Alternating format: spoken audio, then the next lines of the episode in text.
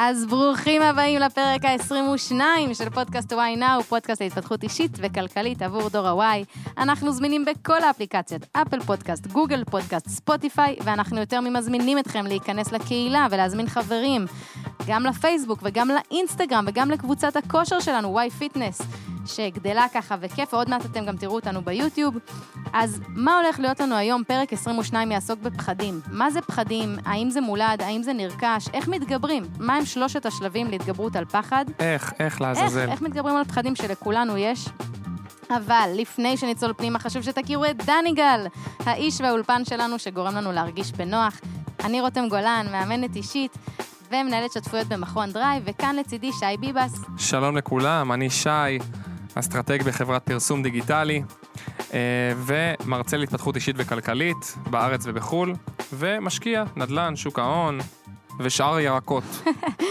אוקיי, אז אנחנו רוצים להתחיל, אה, כמו תמיד, סתם, משתדלים לפחות, ששנייה תחשבו על זה רגע. שאלה, מה הם לדעתכם שני הפחדים היחידים שכל אדם, חיה, בעל חיים, נולד איתם?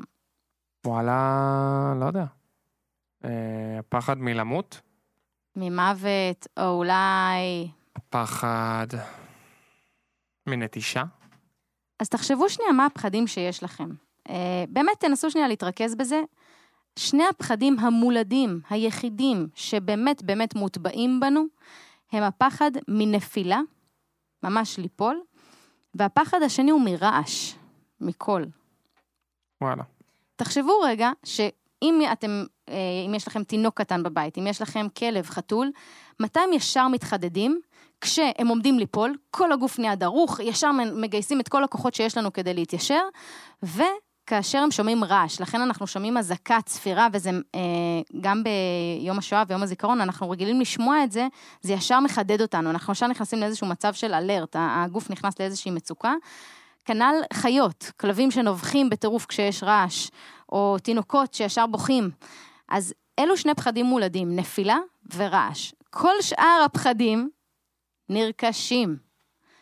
כן, אני חושב שגם, אם אנחנו לרגע מסתכלים על דור ה-Y, אני חושב שאחד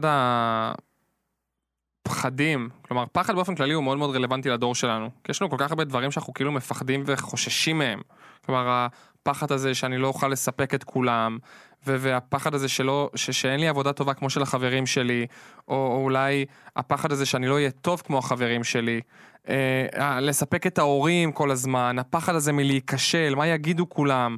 לספק את החברה, כלומר יש לנו כל כך הרבה פחדים שאנחנו עומדים בפניהם היום בעולם התחרותי, העולם המערבי, העולם של העוצמה וה- והמעמד והכסף, זה, זה, אנחנו, אני חי, אני חי את זה, אני חי המון פעמים את הפחדים האלו. וזה דבר אחד. שבאמת אני מנסה באמת לחשוב עם עצמי, איך אני יכול להתנתק מזה, או לפחות לשלוט בזה. לגמרי, אז כולנו חיים עם זה, פחד מעוני, פחד מלהיכשל, פחד מלא להיות שייך. אה, אז לגמרי אלו פחדים שמובילים אותנו, גם את ההורים, אבל בדור שלנו אנחנו עוד יכולים ללמוד מה אנחנו רוצים לרכוש לעצמנו כפחד שיחיה איתנו כל החיים, ואת מה אנחנו בוחרים לנהל, וככה מעט להקטין עד כמה שניתן. אז מה הדבר המשמח במה שסיפרנו לכם כאן היום? זה שכל פחד אחר הוא בחירה. בחירה. תבינו שנייה את מה שנאמר פה, כל פחד אחר שהוא לא נפילה או רעש, הוא בחירה, אנחנו בחרנו לקחת אותו על עצמנו. אז מה זה אומר נניח בתור ילדים? ילדים מפחדים ממפלצות מתחת למיטה, נניח, או מפחדים ממים או מטביעה, או מהחושך, וכנראה מרבית הסיכויים שכל הילדים האלה לא יטרפו על ידי מפלצת שנמצאת מתחת למיטה, מרביתם כנראה לא יטבעו, וכנראה לא יקרה לאף אחד מהם שום דבר בחושך. אז למה עדיין, למרות שהסבירות מאוד נמוכה, עדיין מפחדים מזה ברמה שזה מנהל אותנו כל החיים שלנו? כי אנחנו חיים את הפחדים שהשרישו בנו יום-יום. אז בואו נדבר על זה רגע. מאיפה הכל הכל הכל התחיל? עוד אז, כמו שדיברנו על כלבים, על חיות, על, על כשהיינו האדם הקדמון, אז היינו צריכים לשרוד. היינו צריכים לצוד חיות, היינו צריכים לשרוד, ולמדנו לזהות קולות כמקור לאזהרה, מפני איזושהי סכנה שעמוד, שעתידה להתרחש. וכאשר אנחנו נמצאים במצב כזה של סכנה, המוח שלנו, כמו שאמרנו, מי שהאזין בפרקים הקודמים, בוחן פתע, דני גל, בוחן פתע. למה המוח שלנו נועד? מה הסיבה היחידה שהמוח שלנו קיים? אוי ואבוי, דני גל לא יודע. מה הסיבה היחידה, שי, שהמוח שלנו שוק, קיים? דניגל, אני בשוק. אני גם לא יודע. יואו, יואו, איזה תלמידים יש לי. אני מפוטר, אני מפוטר. אתה מפוטר. אז הסיבה היחידה שהמוח שלנו נועד היא כדי לשרוד. ובגלל שהמוח שלנו נועד כדי לשרוד, כשמתרחשת סכנה, מה קורה לנו? שלושת האפים. מה הם שלושת האפים שעליהם נדבר היום? freeze, flight or fight. מה הכוונה? תחשבו על חיות, אותו דבר. כאשר אנחנו נתקלים בסכנה, דמיינו דוב מגיע לעבר חיה קטנה או אלינו כבני אדם, או שאנחנו freeze, קופאים במקום, זה מה שהמוח שלנו עושה, הוא נועד כדי לשרוד, כל מה שהוא עושה, הוא, הוא אומר, רגע, זה סכנה, זה טוב לי, זה רע לי, זה טוב לי, זה רע לי. אני עלול למות, אני עלול, אה, אה, יהיה פה משהו טוב או רע, והוא פשוט קופא במקום, זה ה freeze. fight, הוא נלחם, אומר, יאללה, אני אכה את, הדוב, ואז אולי הוא יברח. אני נלחמת על חיי כדי להצליח. או שאני flight, אני נסה על נפשי, בורחת, לא מתמודדת עם הסיטואציה. אלו הם שלושת ה F ים שמלווים כל אחד מאיתנו בעת שינוי. שינוי שווה ערך בעולם המודרני, פעם זה היה חיה תטרוף אותי, באדם הקדמון, היום בעולם המודרני המערבי ששי ציין, זה שינוי. שינוי הוא שווה ערך לסכנה עבור המוח שלנו, זה לא מוכר לי, זה חדש לי, אני לא יודע מה לעשות, אני או ב freeze, או ב flight, או ב fight. אז בואו ניתן שנייה, קודם כל זו תגובה לא רצונית, כן? חשוב להבין שכשהמוח שלנו נכנס למצב הזה, זו תגובה לא רצונית, שאנחנו יכולים, קצת היום בפרק אנחנו ננסה ללמוד איך לשלוט. אה, באמת בשלושת האפים האלה ומה אנחנו רוצים לבחור לעצמנו, כדי אה, באמת לבחור את התגובה הרצויה. אם אני עכשיו אקח אדם שרוצה להחליף קריירה, ושי יצא לו לדבר על זה גם לא מעט, אה, דיברנו על זה ככה בפודקאסטים, עכשיו אתה, אתה רוצה להחליף קריירה. תן לי את הדוגמה בפריז, מה אתה עלול לעשות, כי שוב, שינוי הוא שווה ערך לסכנה בעולם המודרני, למוח שלנו. אם הייתי רוצה לשנות קריירה, freeze מבחינתי זה פשוט להישאר בעבודה שלי. בדיוק, בול. לא ב... לעשות כלום. לא לעשות כלום, להישאר בעבודה, להישאר קצת אנמי, קצת חסר שום כיוון, פשוט להישאר, זה ה freeze. מהו ה fight שלך, ההילחם שלך? לעזוב, למצוא עבודה אחרת ב, בתחום שאני באמת רוצה, וללכת ראש בקיר ולעשות את זה. מעולה. לעזוב את העבודה in, שלי. בדיוק, all in, להילחם על הפרנסה שלי, על מה שאני רוצה, בכל הכוח. ומהו ה flight, הנוס על נפשך, מהו במצב כזה? הוא נראה לי פשוט לחסום את כל האפשר... להגיד לעצמי זה לא אפשרי, תפסיק לחשוב על זה, אתה סתם מבלבל לעצמך את השכל, תתרכז במה שיש, וזה מה יש. בדיוק, או להתפטר, או לברוח, או להגיד, טוב, אין לי מה לעשות במצב הזה, אני לא מתכוון לא להילחם, לא להישאר במקום ב freeze, אני פשוט מתפטר, זה, זה מה שאני יודע לעשות, אני בורח. ולכן, וחשוב להגיד שהתגובה שאנחנו freeze, היא התגובה אה, שהיא הכי קטלנית מכולן. כי זאת תהיה תגובה שכנראה אדם יאכל את עצמו, בין אם זה בקריירה, בין אם זה בזוגיות, להגיד, אוקיי, אני לא מתמודד עם הסיטואציה, אני לא מביע את המחאה שלי בשום צורה, אני לא עושה צעד, אני פשוט, אני פשוט לא עושה כלום. אז באמת מרבית האנשים בעולם המערבי, בעולם, סליחה, המערבי, חיים אה, מריגושים. אנחנו חיים אה, מריגוש אחד למשנהו, הקצב הוא מאוד מהיר, קצב החיים, הדינמיות היא מאוד זריזה, יש תחרות, תחרותיות מאוד גדולה. אנחנו משווים כל הזמן את הסטורי הזה לסטורי ההוא, ומי הייתה בים, ומי אה, שיחק עם חבר בלא יודעת מה, ואיזה כיף היה לכולם. והדבר הזה גורם לנו לאיזשהו מתח, איפה אני נמצא מול כולם, איפה אני אה, ביחס לאנשים אחרים, ולאורך זמן זה מייצר שחיקה וניוון. הרבה פעמים זה יגרום לי לא לעשות כלום. לא לפתוח עסק, לא להתחיל להשקיע. אני רואה כל כך הרבה אנשים משקיעים ועושים מלא כסף, אז אני כבר לא אעשה כלום, כי כבר לא התחלתי בזמן, אז מיותר. מה אנחנו מבקשים מכם עכשיו? נעצור לכמה שניות. מה אנחנו מבקשים מכם עכשיו? תחשבו רגע על סכנה שהייתם בה. סכנה בעולם המודרני היא שינוי. חישבו רגע על שינוי, כלשהו, שחוויתם. איך התמודדתם? freeze, fight או flight? עכשיו, אחרי שחשבתם על זה שנייה, תנסו להבין האם זה קרה גם בעבר. האם זה קרה עוד פעמים בתהליכי שינוי שחוויתם בחיים שלכם, ואז תצליחו למצוא את הדפוס. לאן, בערך לפחות, לאן אתם נוטים. אז אחרי שחשבתם ככה לאן אתם נוטים, מפה אני רוצה לצלול לאיך מתמודדים, אוקיי? אלו הדברים, העקרונות, איך אנחנו מתמודדים ומתגברים על השלבים. אז שי, מה לדעתך מפחיד אותנו אה, ביום-יום, בדור שלנו? אני חושב שאחד הדברים שהכי שכיחים, אחד הפחדים שלנו בדור, זה קודם כל הפחד לא לרצות את החברים שלנו, את הסביבה שלנו, את ההורים שלנו. הפחד הזה של אה, שינויים, כלומר, אנחנו גדלנו לאיזושהי רוטינה כזאת של תיכון, צבא, לימודים, עבודה, חתונה, משפחה. גדלנו לרוטינה כזאת. ו- והרבה מאוד אנשים צוללים לרוטינה הזאת, אפילו שהם לא רוצים אותה. זאת אומרת, הולכים לעשות תואר כדי לרצות את ההורים, הולכים לעשות תואר כי כולם הולכים, מתחתנים כי צריך, אה, לא יודע מה, קונים בית או כל דבר כזה או אחר, כי זה, זו תוכנית החיים. אני חושב שהרבה מאוד אנשים, אפילו אם הם מרגישים שזו לא, לא הדרך שלהם, נורא פוחדים לעשות את הצעד הזה. אני רואה לא מעט אנשים שבחרו לדוגמה מקצוע ומרגישים שהם רוצים לעשות, אה, אה, איך אומרים, אה, שינוי מקצוע, הסבת מקצוע, ולא עושים את זה. כי מה אנשים יגידו, ולא חבל על התואר ארבע שנים, ומה ההורים יגידו, ומה החברים והסביבה תגיד. אני יכול לשתף בתהליך האישי שלי, שאני הייתי כימאי כבר ארבע, חמש שנים, וממש לפני כמה חודשים עשיתי הסבת מקצוע. להיות בכלל אסטרטג בחברת פרסום. אמרתי לעצמי בהתחלה, מה יחשבו, ולא חבל על התואר, ולא חבל על הזה, ואז ישבתי עם עצמי ואמרתי, וואלה, קוסומו, זה החיים שלי. מה אכפת לי מה אנשים חושבים?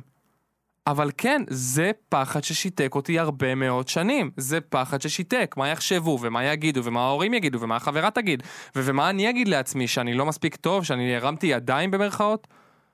אבל זה אחד הפחדים, הפחד הזה של הסבת מקצוע וה- והפחד הזה של לרצות את כולם, הם פחדים שמושרשים בדור שלנו. וזה בדיוק מה שעכשיו שי סיפר, הדרך שבה הוא התגבר ועשה את ה shifting למקצוע אחר, אלו הם השלבים שאנחנו נתאר כאן היום, וכל אחד מאיתנו יכול ללמוד איך להתמודד עם זה, איך לפחות להקטין את הפחד אם לא להעלים אותו לגמרי.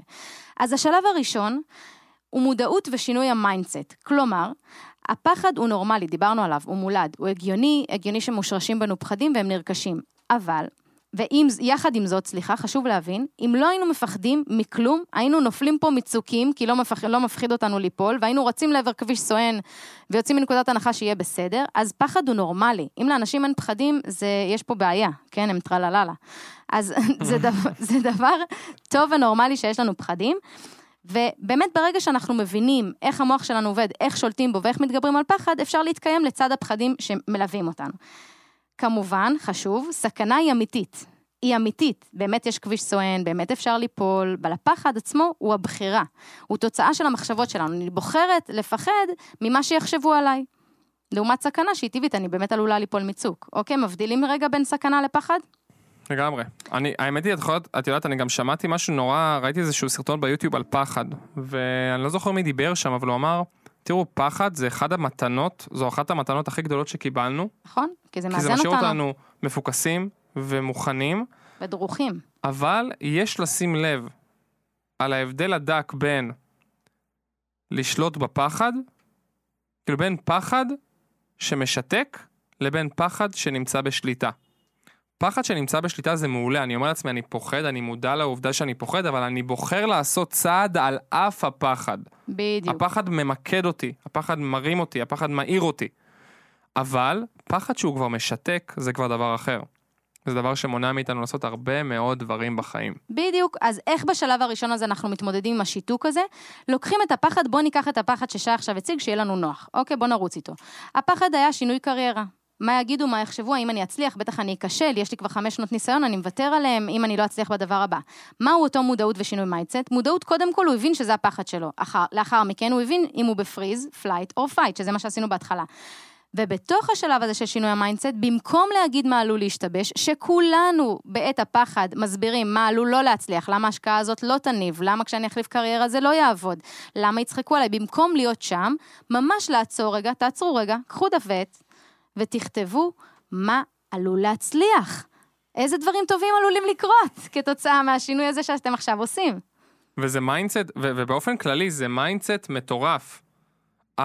לא, לא לחשוב תמיד למה לא, אלא למה כן, אנחנו גם מדברים על זה הרבה מאוד בהשקעות. תמיד חושבים, אה, אבל, אבל אם אני אפסיד? אבל אם זה לא יצליח? חלאס. ואם זה כן יצליח? בדיוק, אז זה להתכונן לתרחיש הגרוע. כן, אבל... זה בסדר לחשוב אם לא, אבל גם תחשבו אם כן. בדיוק, זה להתכונן לתרחיש הגרוע, אבל לכוון את עצמי לטוב, מה שאני מתמקדת בו גדל. אם שי היה מתמקד ב...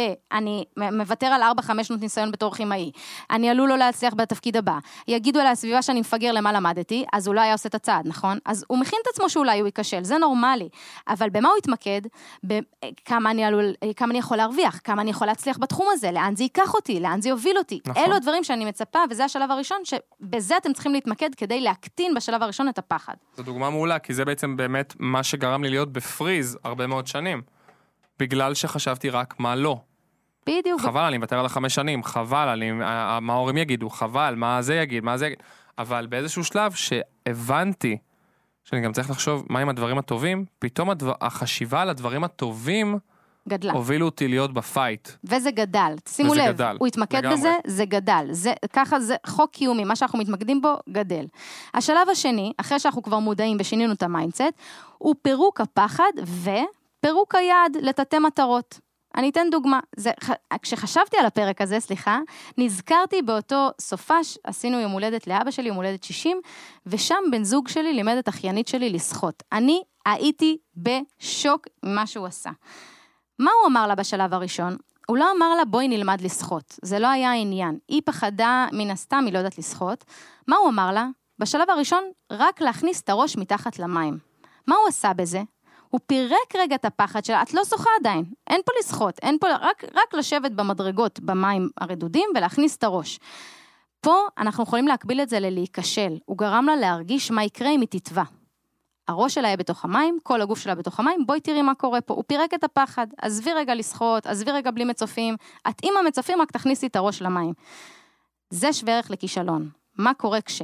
לאחר מכן הוא אמר לה, רק תכניסי את הראש ותוציאי בועות. לאחר מכן הוא אמר לה, רק תצופי. לעשות עם הרגליים כזה, חמוד כזה שילדים קטנים עושים, או כלבים, רק תצופי, רק תצופי. מה הוא עשה? הוא עוד לא אמר לה תשחי, הוא פירק את, ה, את היעד הזה של לשחות לתתי מטרות. כך גם התפרק הפחד לתתי פחדים, רק לשים את הראש מתחת למים, רק לעשות עם הרגליים ולצוף. למה אנחנו נותנים לכם את זה כדוגמה? כי אם אתם רוצים לגבור על פחד, ואתם מדמיינים, אותו, אותה ילדה, נויה, בגיל 6, מדמיינת את עצמה שוחה, זה גדול עליה. זה גדול עליה, היא לא מכירה את זה, היא לא יודעת מה זה. אבל כשהוא פירק לה את הפחד ל"רק תצללי", רק תכניסי את הרגליים, רק תצופי, ולאחר מכן את המטרה, כל פעם הוא אמר, רותם, תפסיקי להגיד לה לשחות, אנחנו לא שוחים. אני הייתי בשוק, אמרתי, מה, אתה רציני? אמר לי, תפסיקי להגיד את זה, אנחנו לא שוחים, אנחנו רק מכניסים את הראש מתחת למים. זה עשה את השינוי שבזכותו היא התמידה והמשיכה בשיעור. וזו הדוגמה מבחינתי שעשתה את כל ההבדל בכל תחום בחיים. הוא נתן לה להיכשל, קודם כל, להרגיש מה יקרה אם היא תתבע, לאחר מכן פירק את זה, וזה מה שהוביל לדבר הבא. אותו דבר, ריצת מרתון. במקום לדמיין את המרתון... נכון. במקום לדמיין את המרתון, וזה בדיוק משהו שסיפרתי לרותם, שכשאני רציתי את המרתון שלי, אז אמרתי, וואי, אני צריך לקום בארבע וחצי בבוקר ולנסוע לנמל תל אביב ולרוץ עכשיו איזה שלושים ומשהו קילומטר. וואי, זה נשמע לי ענקי ואין לי כוח. אז פתאום אמרתי לעצמי, בוא נחלק את זה לתת מטרות. מטרה ראשונה, לקום לשעון מעורר. מטרה שנייה, לשבת על המיטה. רק תשב, רק תשב. מטרה שלישית, רק תלך למטבח. מטרה רביעית, רק תכין קפה. פתאום בלי ששמתי לב אני כבר בתוך האוטו. מטרה הבאה, רק תיסע. מטרה אחרי זה, רק תתחיל לרוץ. וככה חילקתי, ככה עבדתי, ככה, כשפירקתי את זה, זה עזר לי מאוד מאוד. בדיוק, ואז המרתון הוא לא נראה מרתון, הוא רק נראה אני יוצא לרוץ. פחד במה, שלא דיברנו עליו בפרק על פחדים, זה חשוב, כי פחד במה הוא אחד הפחדים הנפוצים ביותר, כמעט בכל גיל. אם לא ידעתם, ופחד במה, איך מפרקים אותו? כשעובדים על פחד במה, מה עושים עם אותו אדם? אומרים לו, קח את ההרצאה, רק תכין הרצאה. רק תכין את מה שרצית, בין אם זה הרצאה, בין אם זה פרזנטציה, מצגת, כל דבר. לאחר מכן, שב עם בן אדם אחד. אחד. דבר איתו על זה. תוסיף שניים, תוסיף שלושה, מה הם עשו? אמרו לו, אתה עוד לא על במה, אתה אפילו לא על במה, אתה בחדר. מה הם עשו? במקום שיהיה פחד במה, הם הורידו את הבמה, הם הורידו את הקהל, שמו אחד על אחד, ואז שניים, ואז שלושה, ואז עשרה, ואחר כך דיברו מול קהל. גם אני וגם שי, שאנחנו מדברים מול קהל, ודיברתי וסיפרנו פה גם על המרתון, וגם זה שהרצינו מול אנשים, והגעתי להרצאה באוניברסיטת בן גוריון מול סטודנטים, אז ברור שיש פיק ברכיים, וזה דבר טוב, וזה שומר אותי דרוכה וערנית, אבל לא התחלתי מלהרצות פתאום מול 200 אנשים. זה לא קרה ככה. כן. ולכן אלו דברים שממש חשוב לזכור, שכשהם מפרקים אותם, אפשר להגיע לשם. יש לי מתאמנים שאומרים לי, אני לא יכול לדבר מול אנשים. זה לא נכון. מדבר איתי. אתה מדבר איתי, אתה מדבר עם שלושה ארבעה אנשים בבית, אתה, זה, זה לא נכון, אתה יכול לדבר מול אנשים. השאלה היא איזה קונסטלציה אתה שם בתמונה הזו שאתה מדמיין במה, בתמונה הזו שאתה מדבר, שאתה מדמיין את עצמך מדבר מול אנשים, זה ההבדל. לכן, מה שאנחנו אומרים פה, החשיבה שלכם יוצרת את הפחד, זה לא הפחד. נכון? והפחד הוא בחירה. עוד פעם, אנחנו נחזור על זה הרבה בפרק, הפחד הוא בחירה. אז השלב הראשון אמרנו שינוי ה mindset. רגע לחשוב מה, מה יכול להצליח ולא רק מה עלול להשתבש. באופן מודע, ממש, מה עלול להצליח. הדבר השני שפה תיארנו, לפרק את הפחד, לטאטא פחדים. ממה אתה מפחד בבמה? בקהל? מהבמה עצמה? בוא נעשה את זה בחדר. מזה שיהיה 20 אנשים, אז בוא נשים חמישה.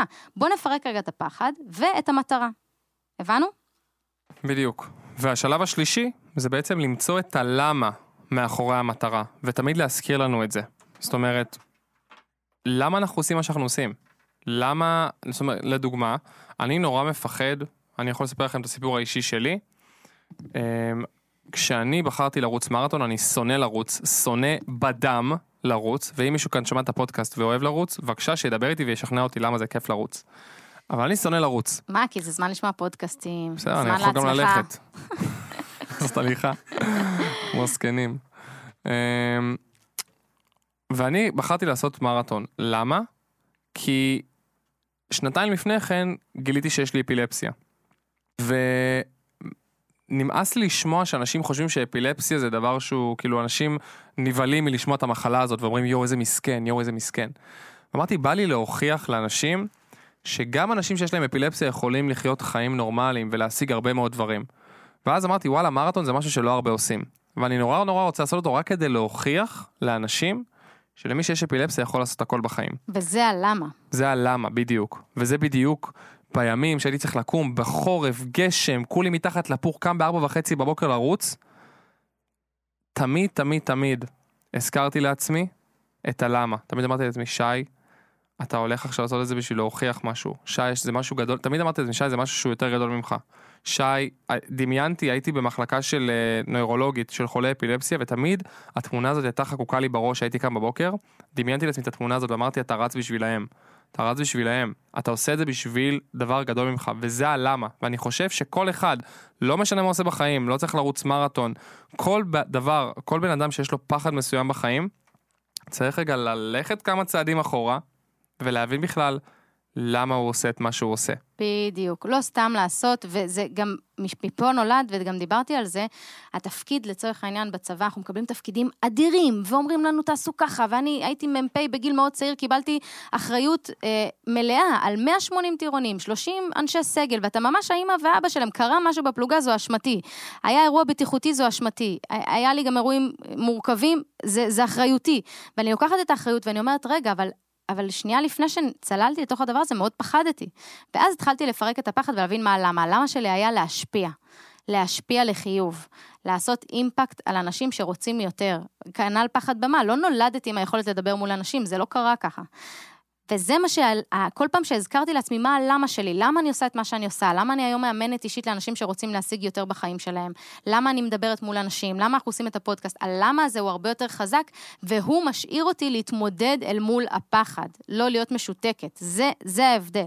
זה בדיוק מה שעושה את ההבדל, גם בדברים הקטנים, בדיוק כמו ששי ציין, נויה, כשכל פעם הזכרתי לה, אבל נויה, איזה כיף זה יהיה לך כשתשחי בסוף השיעור הזה עם דניאל, את תדעי לשחות. וזה, ועכשיו, את תדעי לשחות, זה לא הלמה כמו את תהיי גאה בעצמך. ואמרה לי, נכון, אני אהיה גאה בעצמי, ואז ישר צללה. זה בדיוק אה, מה שעושה את ההבדל, הלמה הזה. אז ככה לסיום, אנחנו לא רוצים שתחשבו שלפחד זה לא טוב. להפך, זה טוב. זה, זה מעולה. זה משאיר אותם דרוכים, ערניים, רוצים להצליח, להתמודד. הגוף שלכם מאוד מאוד ער לסיטואציה, מאוד חשוב לפחד. אנשים מצליחים, הם הכי מפחדים. כי ככל שהם מצליחים יותר, הם נתקלים ביותר בעיות ויותר אתגרים ויותר קשיים ויותר פיק ברכיים, כי מגיעים אליהם עוד ועוד דברים, אז אנשים מצליחים הם מפחדים, הם לא...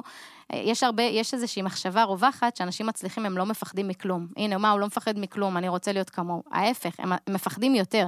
הם פשוט לא נותנים לפחד לעצור אותם, והם לא נעצרים אל מול הפחד, אלא להפך, נוקטים פעולה. הפעולה הראשונה שתנקטו, היא שתיתן לכם את הביטחון לעשות עוד ועוד פעולות, בדיוק כמו במרתון, בדיוק כמו ללמוד לשחות בפעם הראשונה, או ללמוד נהיגה בפעם הראשונה. בדיוק אותו דבר, רק שתעשו את הפעולות, השריר הזה יתחזק, והפחד לאט לאט ייעלם. בדיוק. ואנחנו רוצים שתיקחו מפה את שלושת האפים אוקיי? זה דבר ראשון, שלושת האפים. כלומר, מה אנחנו עושים ברגע שאנחנו מפחדים. וחשוב שמעכשיו שתהיו מודעים לזה, שקורה משהו שמפחיד אתכם, תעצרו רגע, תנשמו, תבינו ממה אתם מפחדים, תעשו, תעברו על שלושת השלבים שאני ורותם הזכרנו. וגם תבינו שזה קורה בעת שינוי. מאוד חשוב להבין שהמוח שלנו, שפעם היה סכנה, היום זה שינוי בעידן המודרני. אלה שלושת האפים. אז כמו ששי אומר, תאבחנו את עצמכם רגע בשביל להבין מהו אותו דפוס. בדיוק.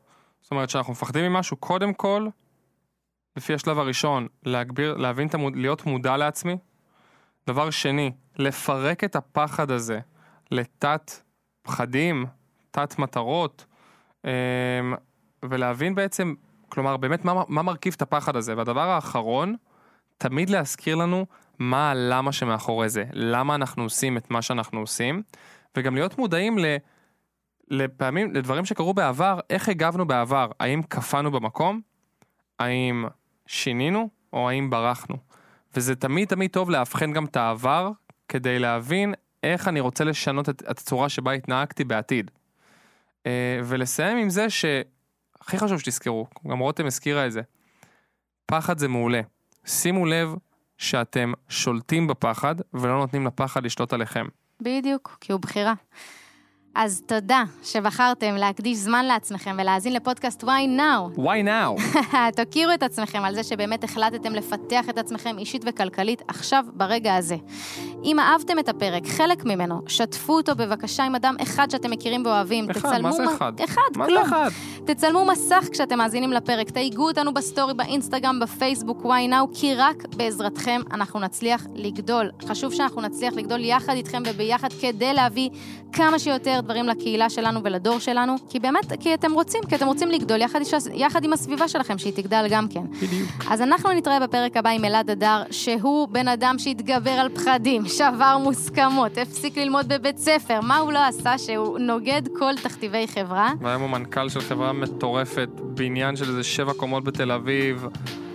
מטורף. סיפור מטורף, אתם הולכים לקבל הרבה מאוד טיפים פרקטיים על התגברות על פחדים ועל על איך בכלל מקימים עסק ו- ואיזה תכונות צריכות להיות לנו, ו- וכמובן מיקוד בדור שלנו. וזכינו גם לקבל ממנו קורס מעשי עם תרגילים להטמעת הרגלים מקדמים, שזה מטורף. הוא נתן לנו קורס ל-21 ימים כדי להטמיע הרגל שאתם רוצים, הרגל מקדם, אתם ממש עושים משימות יום-יום. הכי פשוט וקל, כמה דקות, הולך להיות טירוף. ותמיד זכרו, why now? כי אין זמן טוב מעכשיו להתקדם לעבר החיים שאתם באמת רוצים לעצמכם.